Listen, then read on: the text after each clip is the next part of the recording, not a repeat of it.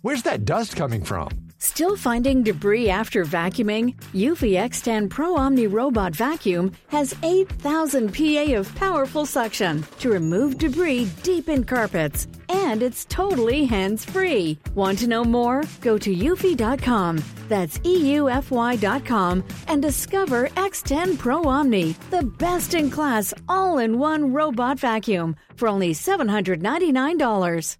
Flexibility is great. That's why there's yoga. Flexibility for your insurance coverage is great too. That's why there's United Healthcare Insurance Plans. Underwritten by Golden Rule Insurance Company, United Healthcare Insurance Plans offer flexible, budget friendly coverage for medical, vision, dental, and more. One of these plans may be right for you if you're, say, between jobs, coming off your parents' plan, turning a side hustle into a full hustle, or even missed open enrollment. Want more flexibility? Find out more about United Healthcare Insurance Plans at uh1.com. Say hello to a new era of mental health care. Cerebral is here to help you achieve your mental wellness goals with professional therapy and medication management support. 100% online.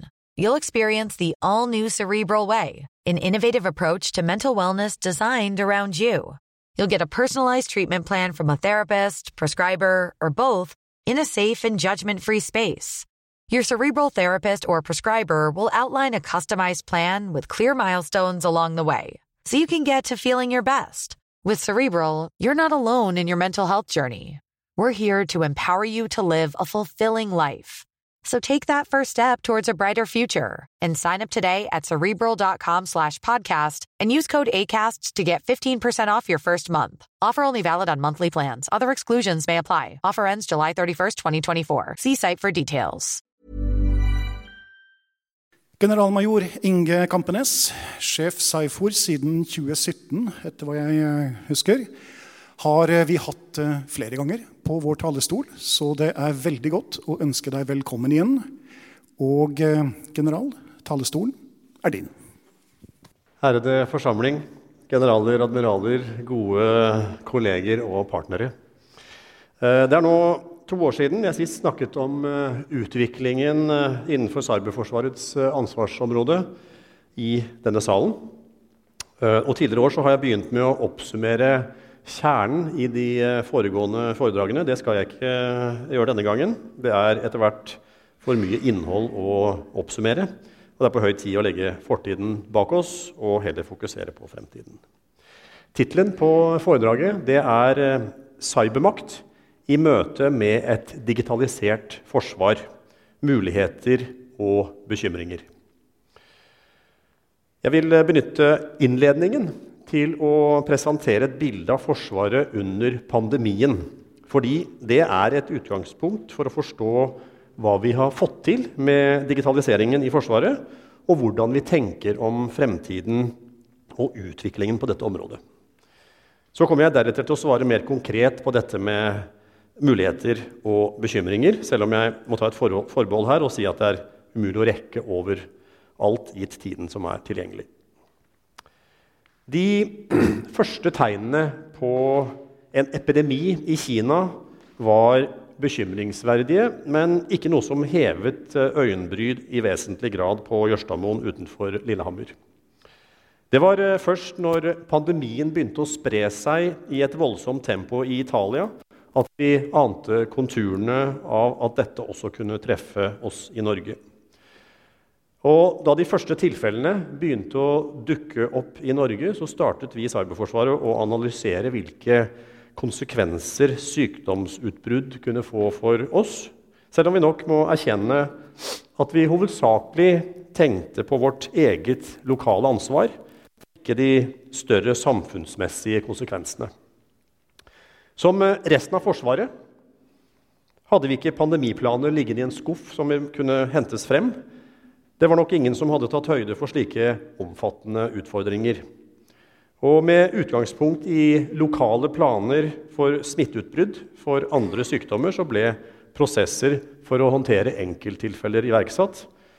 Og risikoreduserende tiltak ble satt i kraft. Like fullt så var vi ikke tilstrekkelig forberedt når de virkelige konsekvensene traff oss. Det var viktig for oss å redusere risikoen for egen virksomhet. Vi er en organisasjon med mange små og sårbare fagmiljøer. Og løsningen for eh, vår del ble derfor å splitte kjernevirksomheten i fysisk atskilt team og beholde kritisk og operativ virksomhet samtidig som vi sendte mindre kritisk personell på hjemmekontor.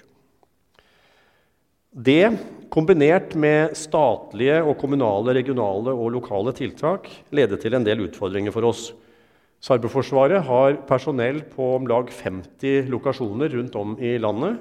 Og vi ivaretar om lag 350 geografiske lokasjoner og et høyt antall støtteoppdrag. I tillegg har vi løpende oppdrag i utlandet, med alt fra kurertjenesten til deltakelse i så godt som alle militære utenlandsoperasjoner. Kort oppsummert så treffer innskrenkninger i bevegelsesfrihet for cyberforsvaret og vår virksomhet hardt. Derfra så stengte Norge ned, først fullt ut i perioder, men også i forskjellige regioner til forskjellig tid. Forsvarets personell som ikke betjente kritiske samfunnsfunksjoner, skulle jobbe hjemmefra. Og for de av dere som eh, ikke kjenner oss fullt ut Forsvaret har aldri hatt IT-tjenester som er dimensjonert for å kunne jobbe effektivt og sikkert utenfor Forsvarets kontorer, hvis vi da ser bort fra de operative sambandstjenestene. Heldigvis så hadde vi sammen med Forsvarsmateriell jobbet en stund med å etablere slike tjenester, men dette arbeidet hadde vært preget av konflikter, manglende felles prioritering og stillstand.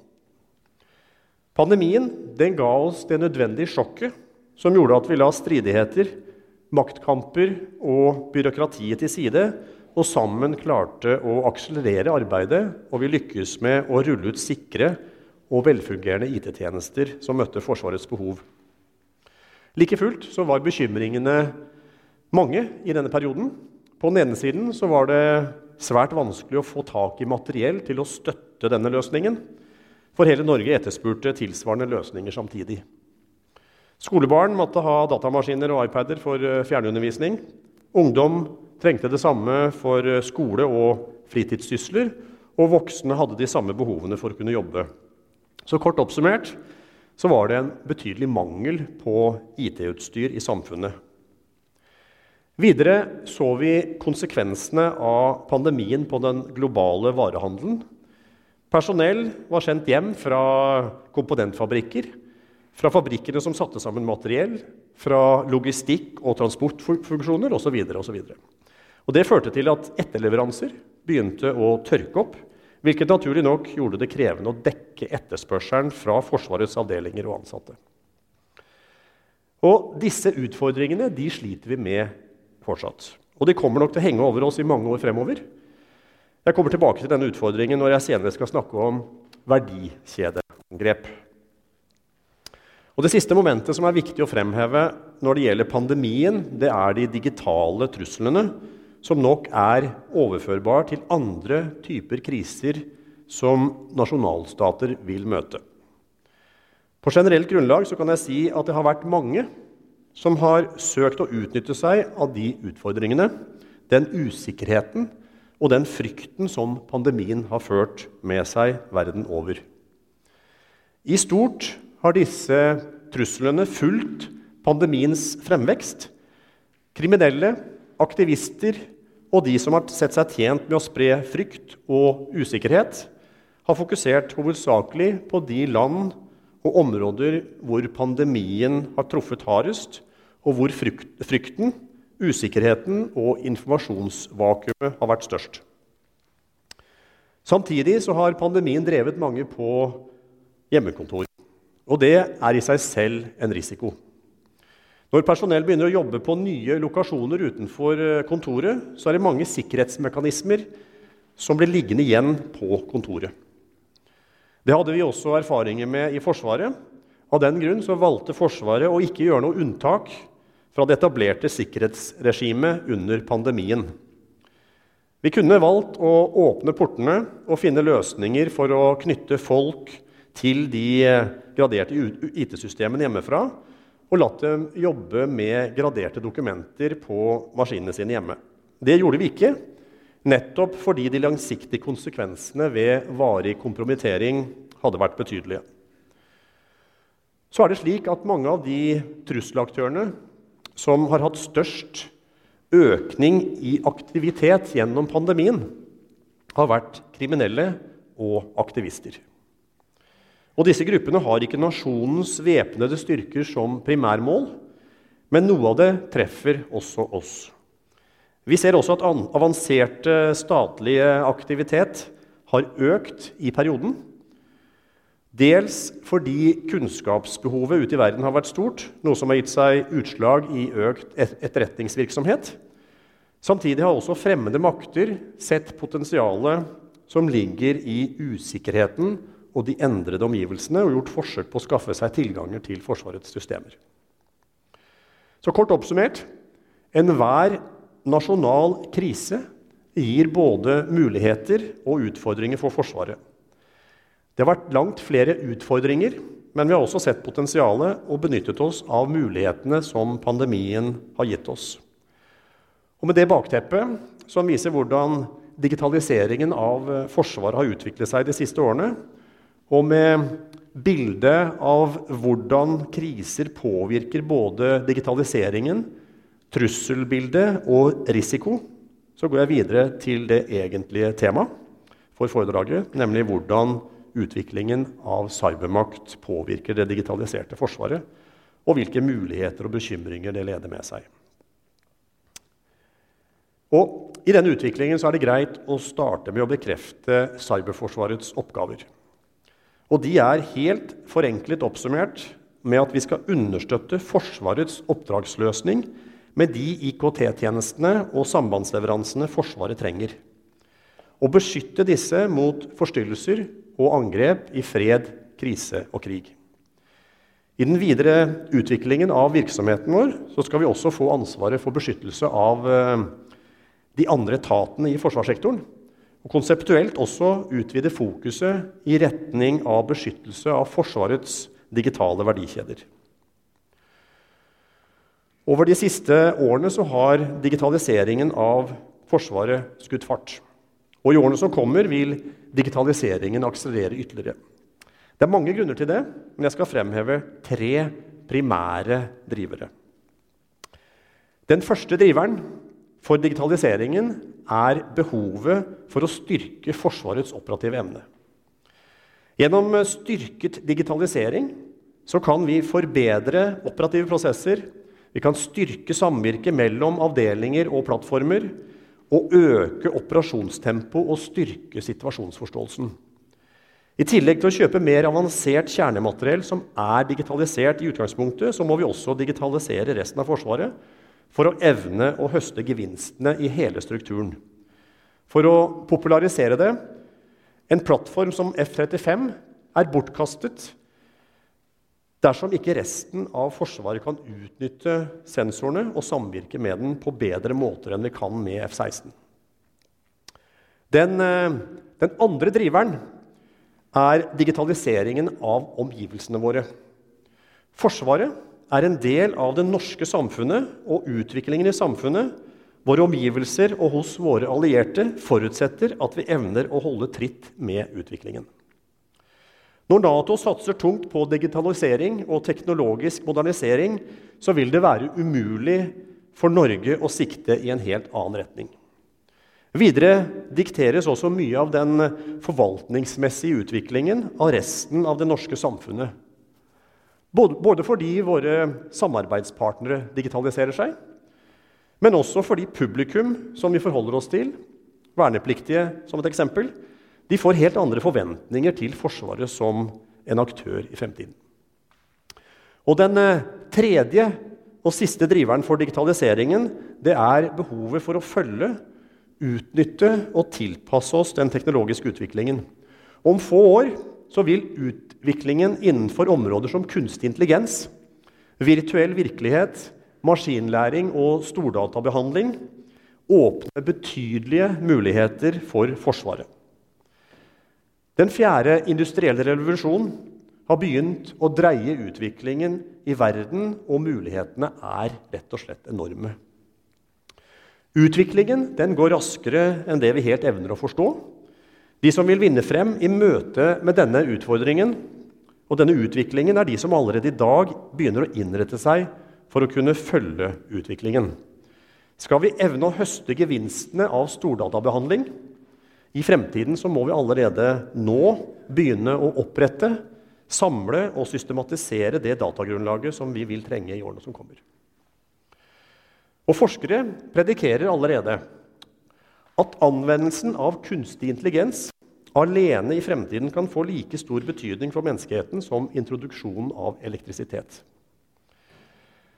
Tenk gjennom elektrisitetens betydning ikke bare for oppvarming av hus og belysning, men også betydningen for industri, miljø, fremkomstmidler og i praksis all teknologi som menneskeheten besitter og er avhengig av i dag.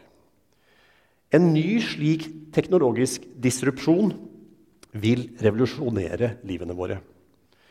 Og som med elektrisiteten så vil vi ikke fullt ut forstå mulighetene og konsekvensene før lenge etter at teknologien er introdusert. Men det er også bekymringer for konsekvensene her. Da, som nå, var det frykt for teknologien. Og det var og er behov for reguleringer. Elektrisiteten den revolusjonerte også militærmakten til det punkt hvor militære organisasjoner, materiell og personell er avhengig av elektrisitet i fred, krise og krig for å kunne fungere og operere. Og det samme vil altså gjelde for kunstig intelligens.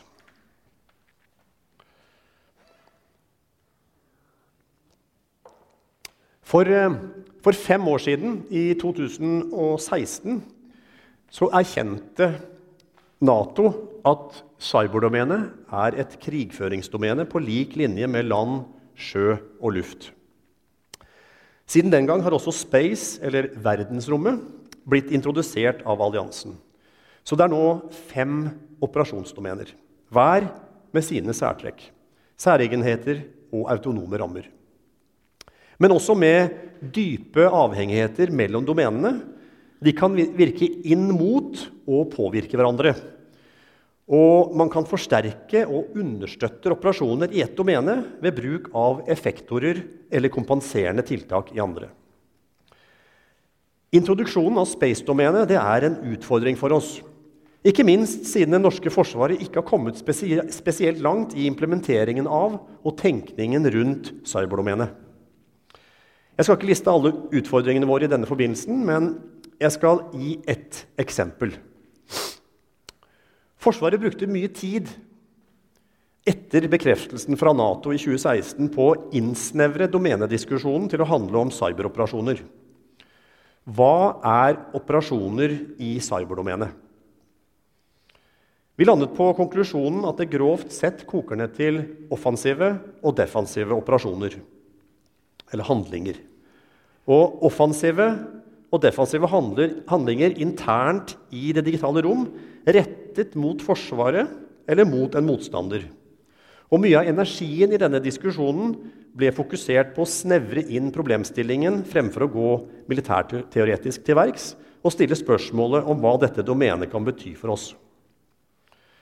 Det å koke introduksjonen av et nytt domene ned til, en, til offensive og defensive handlinger internt i domenet strider litt mot domeneteorien i seg selv. La meg utdype dette med noen spørsmål. Altså I det bildet hvor passer effektorer i de tradisjonelle domenene som virker inn mot cyberdomenet? Altså elektronisk krigføring, jamming eller fysisk ødeleggelse av IKT-infrastruktur. I det bildet hvor passer effektorer som benytter cyberdomenet som bærer for å sikre langt mer effektive operasjoner enn tidligere, som informasjonsoperasjoner og psykologiske operasjoner. Og i det bildet hvordan passer effektoperasjoner som har som mål å påføre harde og myke effekter i de tradisjonelle domenene, være det seg i den fysiske dimensjonen, i informasjonsdimensjonen eller den kognitive dimensjonen av krigføring. Så Konsekvensene av cyberdomenet er mange, og vi er et lite forsvar. Min bekymring er at vi ender i en situasjon hvor cyberdomenet blir det glemte domene i Forsvaret som følge av at vi hopper rett over på eh, verdensrommet før vi har gjort en ordentlig jobb innenfor cyber. Og igjen Avhengighetene mellom cyberdomenet og space-domenet er mange, så det vil være betydelige huller i det konseptuelle grunnlaget for romdomenet dersom cyber ikke er tilstrekkelig kartlagt før vi tar tak i et femte domene. Forsvarets operasjoner er avhengig av cyberdomenet. Og det er også slik at cyberdomenet og digitaliseringen leder til at Forsvaret har avhengigheter til andre deler av samfunnet i langt større grad enn tidligere. Forsvarets digitale verdikjeder strekker seg gjennom forsvarssektoren, gjennom offentlige etater og aktører og videre til samarbeidspartnere, næringslivsaktører og sågar ned til enkeltpersoner når vi snakker om verneplikt, mobilisering etc. Det gjør at de operative leveransekjedene til Forsvaret er omfattende og komplekse. Det gjør også at operativ planlegging på operasjonelt nivå og på strategisk nivå er svært utfordrende. Det er i ytterste konsekvens utallige avhengigheter og sårbarheter som skal kartlegges og flettes sammen for å gjøre gode operative vurderinger av de digitale truslene mot Forsvarets operasjoner. Det stiller store krav til hovedkvarterene våre i årene som kommer, spesielt på operasjonelt nivå. Samtidig så må vi erkjenne at vi har en kompetanseutfordring. De fleste i denne salen har et eh, relativt distansert forhold til begrepene cyber og cyberdomene. Det var ikke en del av hverdagen vår da vi vokste opp. Det var ikke tema på befalsskoler, krigsskoler eller stabsskoler da vi fikk eh, offisersutdanningen vår. Og mange av dem som sitter som planleggere og stabsoffiserer, tilhører det som resten av samfunnet omtaler som den tapte generasjon når det kommer til digitalisering og forståelse for teknologien og dens muligheter og utfordringer. Ikke alle av oss, men en betydelig andel faller inn i den kategorien. Det er naturlig, men det er like fullt en stor utfordring. Og Spesielt for det operasjonelle nivået er det derfor viktig å få tilført kompetanse og ekspertise for å forstå effektene man kan skape gjennom defensive og offensive operasjoner i cyberdomenet. Og både sjefen for Etterretningstjenesten og, eh, og jeg har valgt å sende utvalgte offiserer og spesialister til Reitan for å hjelpe sjef FOH med å etablere et utgangspunkt for en cybercelle i operasjonelt hovedkvarter. Og jeg har tiltro til at det vil være et konstruktivt utgangspunkt som hovedkvarteret kan bygge videre på. Og For de av dere som ikke vet det, så er det sjef Etterretningstjenesten som er ansvarlig for å koordinere cyberoperasjoner i Forsvaret. Eh, og det er han som har ansvaret for offensive cyberoperasjoner, og jeg har ansvar for defensive cyberoperasjoner. Så vi står også overfor en annen kompetanseutfordring. For de fleste ansatte i Forsvaret så er det slik at de valgte karrierevei basert på en helt annen kunnskap og interesse enn det digitale. Fremtiden derimot vil eh, fordre et annet kompetansesett enn det fortiden gjorde. Ikke radikalt annerledes. Vi trenger fortsatt mye av den samme kompetansen som vi gjorde tidligere i bunn, men vi trenger påbygning innenfor nye teknologiområder på toppen av dette.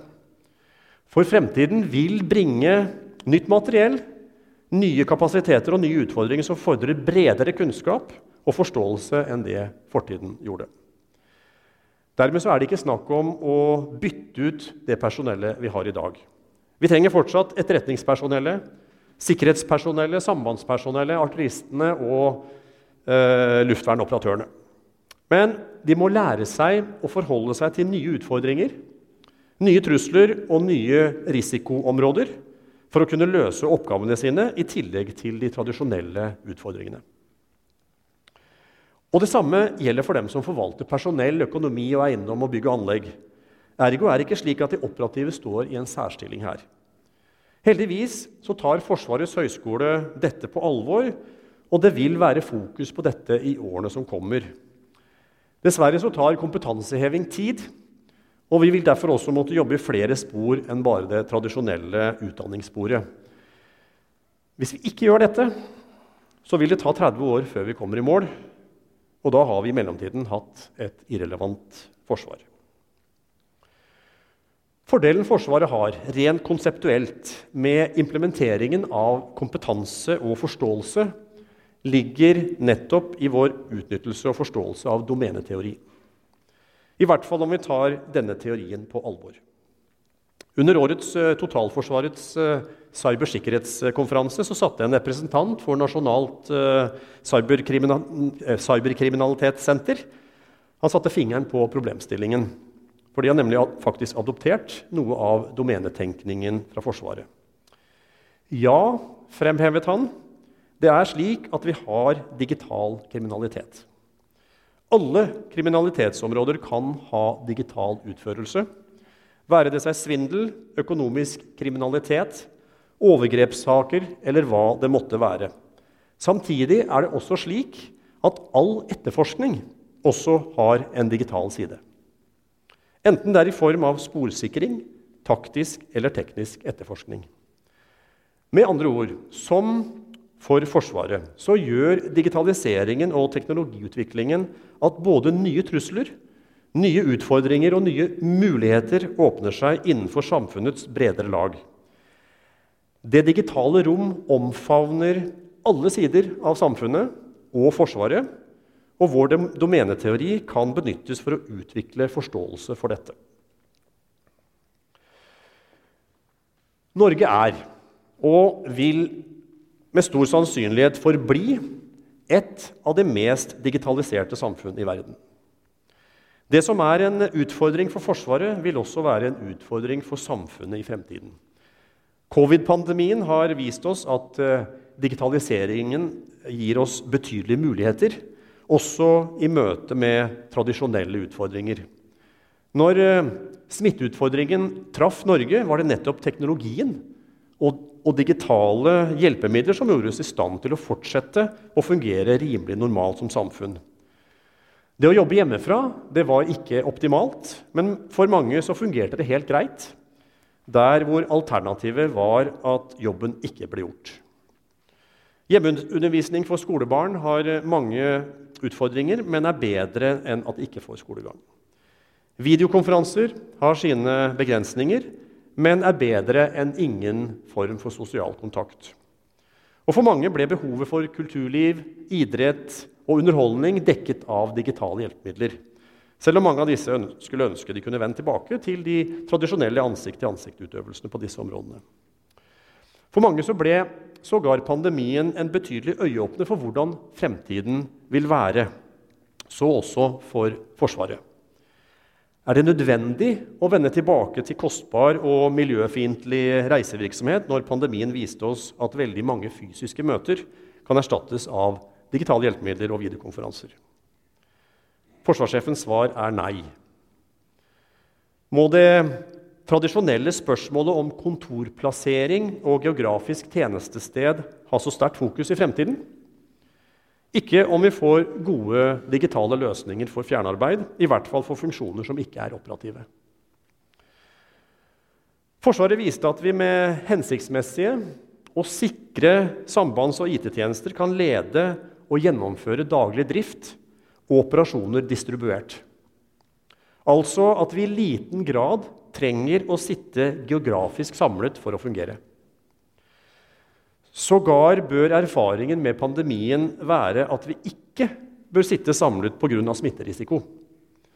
En distribuert ledelsesmodell kan med andre ord være helt essensiell i fremtidig drift og operasjoner. Min spådom er at når vi om 20 eh, års tid ser oss tilbake, så kommer vi til å se et Norge og et forsvar med et ganske tydelig skille markert rundt 2020-2021.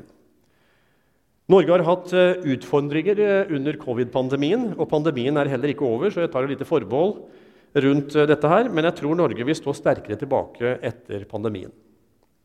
Basert nettopp på hvordan vi evner å utnytte teknologi, prioritere ressurser og fokusere virksomheten vår.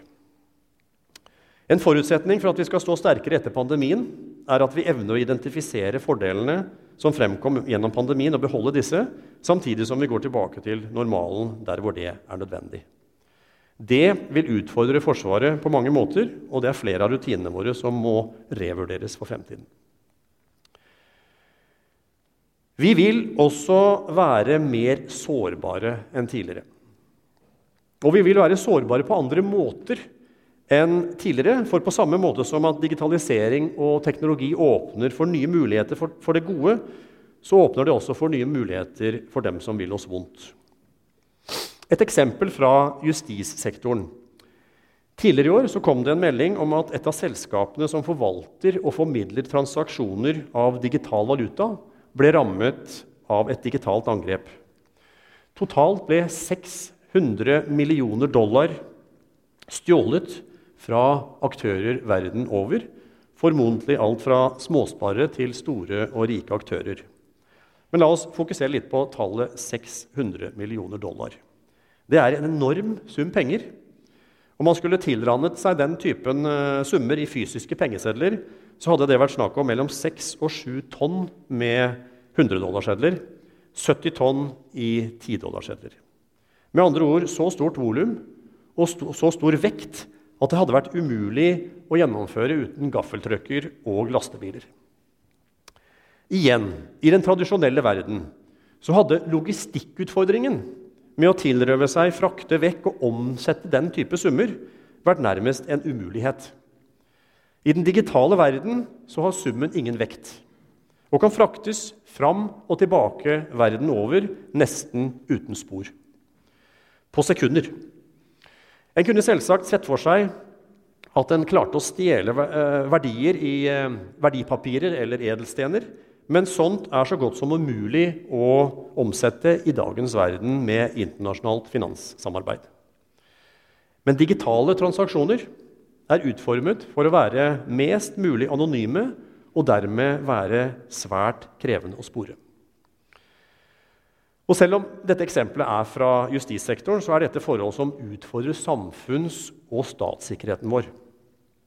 Vi ser at totalitære regimer evner å finansiere sin alenegang og isolasjon gjennom digital kriminell virksomhet. Og gjennom det skaffe seg tilgang til betydelige mengder med utenlandsk valuta, som de ellers ville vært avskåret fra som følge av internasjonale sanksjoner og myke maktmidler. Gjennom å etablere seg som en digital trusselaktør evner de å omgå sanksjoner, opprettholde handlefrihet og motvirke internasjonalt samarbeid og sanksjoner på måter som gjør at de forblir en trussel mot verdenssamfunnet på andre maktarenaer. Jeg skal ikke trekke fram mange eksempler, men for de fleste er nok regimet i Nord-Korea det åpenbare. Så disse nye truslene som vi møter som samfunn, endrer på mange måter hvordan vi forstår risiko, og hvilken risiko vi kan utsettes for men også det mulige omfanget som disse utfordringene kan få. Det er med andre ord en betydelig endring i trusselforståelse som må ligge til grunn for å forstå utfordringene i den moderne verden. Vi har hørt det uttalt, også fra denne talerstolen, at det nye trusselbildet utfordrer måten vi forstår skillet mellom samfunnssikkerhet og statssikkerhet på. Og cybertrusselen er kanskje den mest sentrale driveren for utviskingen av dette skillet. Cyberdomenet binder sammen samfunnet og staten, og cybertrusler mot den ene truer også det andre. Jeg skal utdype dette. Forsvaret har over de siste årene gjort grep for å effektivisere mange logistikk- og støttefunksjoner. Strategiske samarbeidsrelasjoner med næringslivet har gjort at Forsvaret står langt mindre autonomt enn det vi gjorde tidligere. Det er en dyd av nødvendighet, og det gir oss mange fordeler. Men det gjør også at verdikjedene eh, til Forsvaret er langt mer kompliserte, som jeg sa tidligere. Og Fra et cyberperspektiv så, så medfører det noen utfordringer som vi må håndtere. Sårbarhetene til våre samarbeidspartnere har potensial for å bli en operativ risiko for Forsvaret. Digitale angrep på strategiske partnere som er autonome rettssubjekter, kan medføre betydelige utfordringer for våre operasjoner. Men også for den daglige driften av Forsvaret. Leverandører til Forsvaret kan også bli et sårbart punkt som motstandere kan benytte for å påvirke Forsvarets IKT- og sambandssystemer. Og vi har Gjennom året som, som var, så har vi sett noen spektakulære verdikjedeangrep. Det mest avanserte det rammet det amerikanske IT-selskapet SolarWinds og ble kjent ved årsskiftet. Og ved å ta seg inn i og manipulere programvareoppdateringen i et av selskapets produkter, så lyktes trusselaktøren å kompromittere opp mot 18 000 kunder som brukte programvaren til SolarWinds. Vi snakker da om brukere som Pentagon, det amerikanske utenriksdepartementet og finansdepartementet og Microsoft, i tillegg til massevis av aktører verden over. Gjennom skadevaren som ble installert, fikk trusselaktøren mulighet til å etablere egne tilganger og bakdører til kundenes IT-systemer, som de igjen, måtte, igjen kunne benytte eh, til å jobbe seg videre inn i systemene til det formål de måtte ønske. Og igjen, om vi skal se dette i et mer tradisjonelt unnskyld, trusselperspektiv, så ville etterretningsoperasjonene som hadde vært nødvendig for å kompromittere så mange aktører, verden over vært så godt som umulig. Det hadde krevd så enorme ressurser og båret med seg så stor risiko at det hadde vært urealistisk. I den moderne tidsalder kan det løses med å komprimittere ett sentralt ledd i én verdikjede. Enten verdikjeden er knyttet til fredsdriften eller til Forsvarets operasjoner i krise og krig.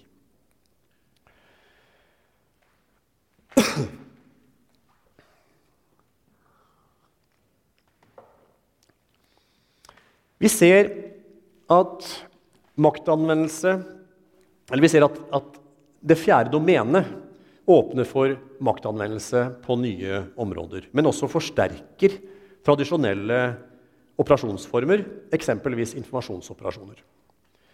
Teknologien legger press på de rammene som vi lenge har oppfattet som stabile og kjente. Men hva betyr egentlig dette for Forsvaret og for militære operasjoner i fremtiden?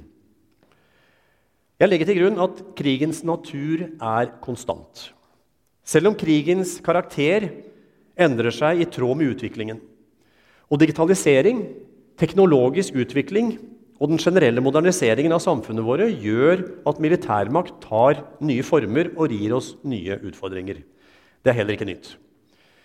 Utviklingen av luftmakt, samband, atomvåpen, GPS-styrte presisjonsvåpen og langtrekkende kryssemissiler er alle eksempler på faktorer som preget militærmakten og endret krigens karakter i vår levetid. Men kompleksiteten ved planlegging, ledelse og utførelse av militære operasjoner blir større. Dels som følge av nye trusselformer, men også fordi særkarakteristikken ved cyberdomenet gjør at enhver fremtidig konflikt må forutsettes å bli global. Om ikke annet så fordi kriminelle aktører og aktivister vil engasjere seg i konflikter der hvor de finner det opportunt. Det andre forholdet jeg vil fremheve, er avhengighetene mellom det moderne forsvaret og de digitale verdikjedene. De vil gjøre at enhver konflikt i fremtiden vil treffe bredere deler av det norske samfunnet. Det vil sette flere grunnleggende prinsipper på prøve, som eksempelvis distinksjonsprinsippet i folkeretten. Dette er ikke nytt for Forsvaret. Den norske totalforsvarsmodellen gjør at vi har erfaringer med disse kompleksitetene men de vil være mer tilspisset i fremtiden, og det vil fordre helt andre samarbeidsforhold mellom militære og sivile aktører i hele konfliktspekteret. Og sist, men ikke minst, så vil den styrkede digitaliseringen og teknologiske utviklingen av Forsvaret bety at fremtidens forsvar vil fordre en annen kunnskap, kompetanse og kultur enn tidligere. Det er som følge av at krigens karakter og Forsvarets operasjoner blir annerledes, slik jeg har redegjort for. Når vi da erkjenner at vi har utfordringer, og at utfordringene blir større i årene som kommer, når vi erkjenner at vi har et problem som treffer oss i alle situasjoner, fra individer til virksomheter, til samfunnssikkerhetsdimensjonen og til statssikkerhetsdimensjonen, når vi ser at trusselen er betydelig i dag og bare blir større i fremtiden, hva er så løsningen? Jeg skal ikke driste meg til å svare utfyllende på dette spørsmålet. Det er et komplisert spørsmål som våre politiske ledere, våre allierte og andre tygger på. Men jeg skal komme med noen refleksjoner. Jeg tror det første og viktigste er at vi må erkjenne trusselen. Vi må forstå trusselen, forstå de mulige løsningene og gjøre et tiltak for å aktivt forvalte risikoen som vi utsetter oss for. Det legger et ansvar på alle i en organisasjon, fra den enkelte ansatte opp hele veien gjennom enhver virksomhet. Men ikke minst så legger det ansvar på oss som er ledere. Ledere har generelt for lite kunnskap og forståelse på dette området, og jeg mener det er en unnlatelsessynd som henger over mange. Om dette med å gjøre aktive tiltak så mener jeg put your money where your mouth is. Kompetansebygging er en faktor som må være en løsning, unnskyld, en del av denne løsningen. Og dette ville måtte treffe, treffe oss alle sammen. Forsvaret jobber allerede med å få digitale trusler og cyberdomenet inn i utdanningsporteføljen vår. Men det vil være nødvendig for oss å gjøre kompenserende tiltak for dem som er både ledere og stabsoffiserer i dag.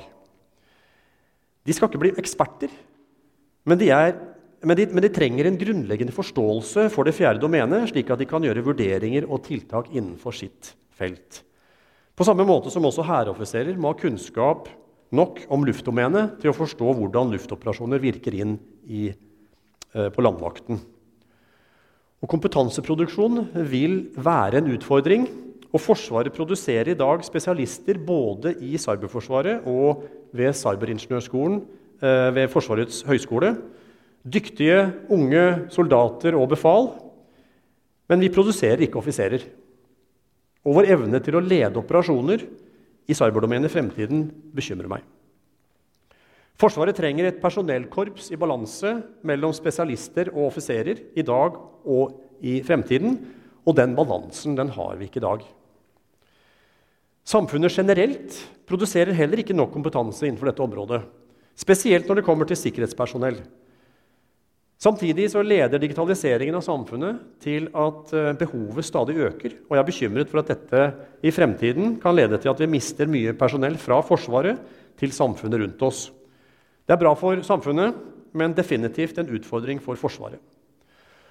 Og Vi ser allerede i dag at dyktig cybersikkerhetspersonell er lønnsledende i mange sektorer i samfunnet.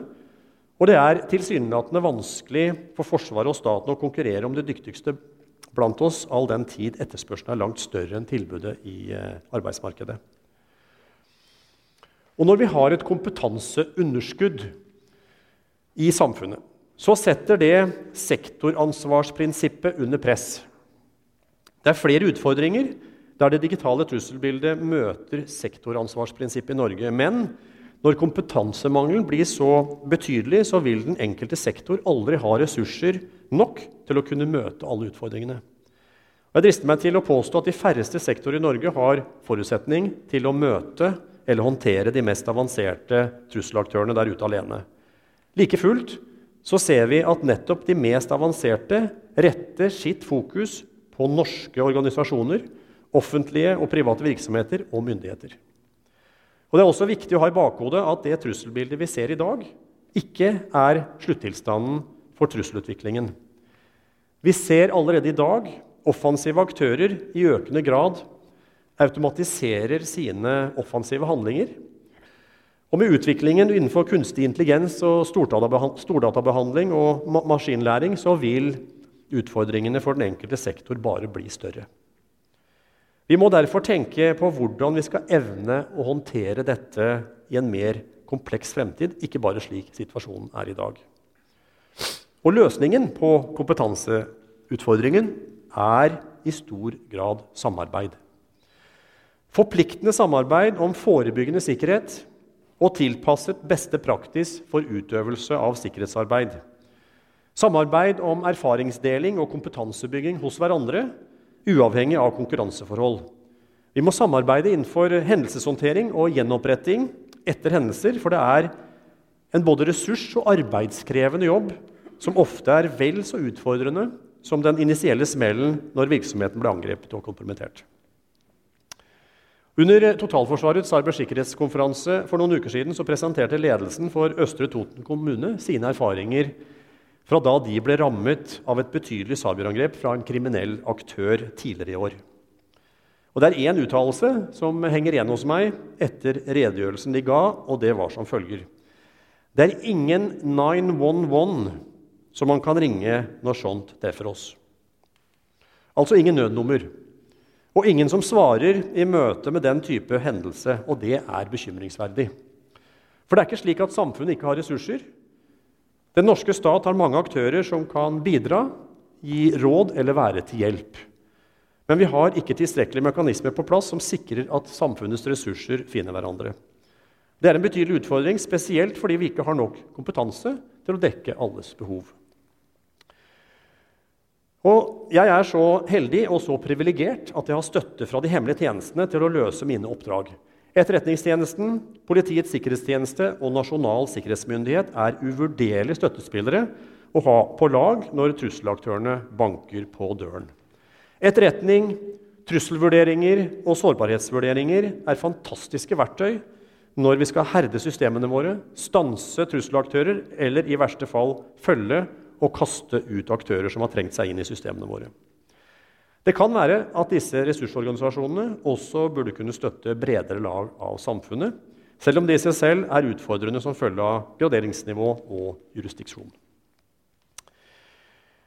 Jeg tror jeg skal stanse oppramsingen av anbefalinger der før jeg begynner å gå andre i næringen.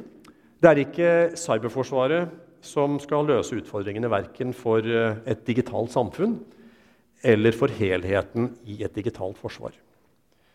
Løsningene må like fullt finnes, for det grunnleggende budskapet er fortsatt slik det har vært de siste årene. Digitaliseringen gjør oss sårbare. Det høye teknologinivået vårt fører med seg nye trusselformer. Og et moderne forsvar må evne å håndtere både de utfordringene som vi tradisjonelt har stått overfor, så vel som de nye utfordringene vi erfarer i dag, og som fremtiden bringer til torgs. Og De siste årene har vi tatt grep for å tilpasse Cyberforsvarets organisasjon til dette nye virkelighetsbildet som jeg har beskrevet. Vi hadde en stor omstilling som ble fullført i 2018, og vi vil rundt nyttår avslutte en ny, større omstilling. Og Det høres ut som mye endring for en militær organisasjon, og jeg har forståelse for, for det synet. Samtidig så forvalter vi det fagområdet i Forsvaret og det faget i militærteorien som er i raskest og mest radikal endring. Og det stiller andre krav til oss med tanke på det å være i stand til og være villig til å tilpasse og endre oss. Jeg føler meg privilegert som sjef Cyberforsvaret, som har både ansatte og tillitsvalgte som ser og forstår behovene for endring. Og når vi kommer til 1.1, eh, så vil vi ha en organisasjon på plass som vil bringe oss langt nærmere å kunne håndtere både dagens og fremtidens utfordringer i godt samarbeid med strategiske samarbeidspartnere fra næringslivet. I hvert fall det omfanget av utfordringene som vi har evnet å se og kartlegge der vi står i dag. Det er viktig fordi fremtidens krig og fremtidens konflikter kommer ikke til å være identiske med gårsdagen. Militærmakten og militærteorien endrer seg som følge av teknologiutviklingen og som følge av digitaliseringen av Forsvaret, våre allierte og våre mulige motstandere. Det eneste jeg kan si med sikkerhet, er at fremtidens konflikt kommer til å være preget av at krigens karakter har endret seg. Det betyr at vi også må endre oss for å være relevante for det som fremtiden måtte bringe av utfordringer. Takk for oppmerksomheten.